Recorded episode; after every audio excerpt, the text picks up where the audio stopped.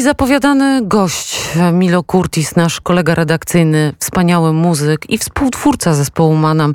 Dzień dobry Milo. Cześć, dzień dobry Kasiu. Wspominamy dzisiaj rocznicę urodzin Kory Jackowskiej, wybitnej e, wokalistki osobowości sceny polskiej, o której długo można by było mówić, ale Państwo, nasi słuchacze na pewno wiedzą. Tymczasem Ty dziś w swoim programie na początku był chaos, będziesz miał wyjątkowego gościa. Moi goście wszyscy są wyjątkowi. Przepraszam, oczywiście, zapomniałam. Sekcja lewacka zawsze mnie porządkuje, więc na początku był chaos, a teraz ja wprowadzam ten chaos. No wiesz, no, ja umiem wszystkim spowodować, żeby był chaos. Tak. E, dobrze, no, moim gościem będzie mój kumpel, dosyć bliski, były mąż, e, mąż żony, e, mąż żony, mąż Kory, czyli Kamil Sipowicz. Opowiedz, jak spotkałeś po raz pierwszy Korę, jak wtedy odbierałeś tę dziewczynę, która dołączyła do zespołu? Korę po raz pierwszy spotkałem, kiedy mieliśmy po 18 lat, bo Kora jest starsza ode mnie o dwa miesiące. I chyba jeździliśmy na, na takie zloty hipisowskie. I, i ja pamiętam pierwszy, ten, pierwszy obrazek, to pamiętam z Sopotu. Mieszkaliśmy na polu namiotowym we dwójkę i kiedy wstawaliśmy koło południa albo wczesnym popołudniem, szliśmy na ulicę Monte Cassino i tam ja rysowałem jakieś psychodeliczne hipisowskie rysunki, a Kora pięknie wyglądała. Więc to tak jest, się spotkaliśmy. Wyglądała zawsze pięknie, ale e, tak się spotkaliście i co dalej się działo? Jak, jak to się stało, że trafiła do zespołu? Do zespołu. Najpierw no, by, ona była żoną Marka Jackowskiego. Jej pierwszym mężem był Marek Jackowski. I my w 75 roku z, Ma z Markiem założyliśmy zespół Manam od naszych inicjałów Milo i Marek, M&M, czyli Manam.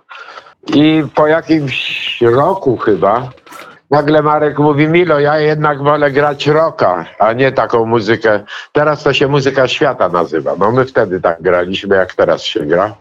I, i, i, przy, i żeby Kora śpiewała, bo musimy mieć piękną kobietę na scenie.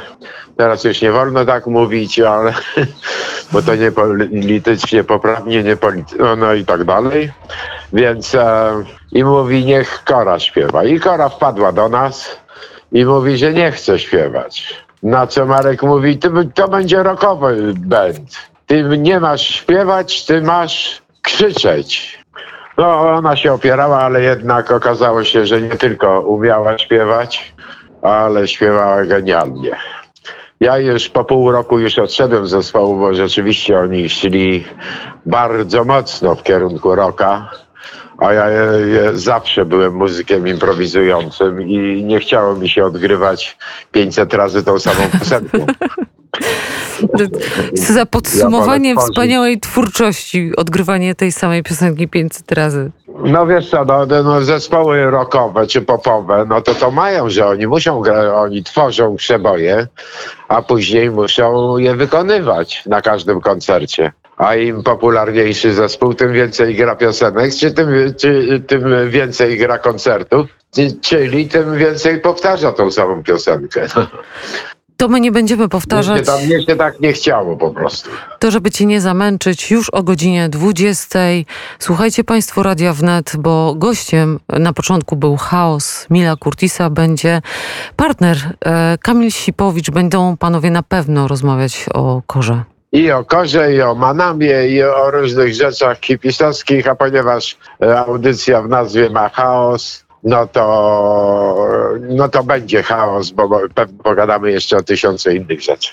To ja bardzo serdecznie Ci dziękuję. Pozdrawiam, Milo. Dziękuję, Do usłyszenia.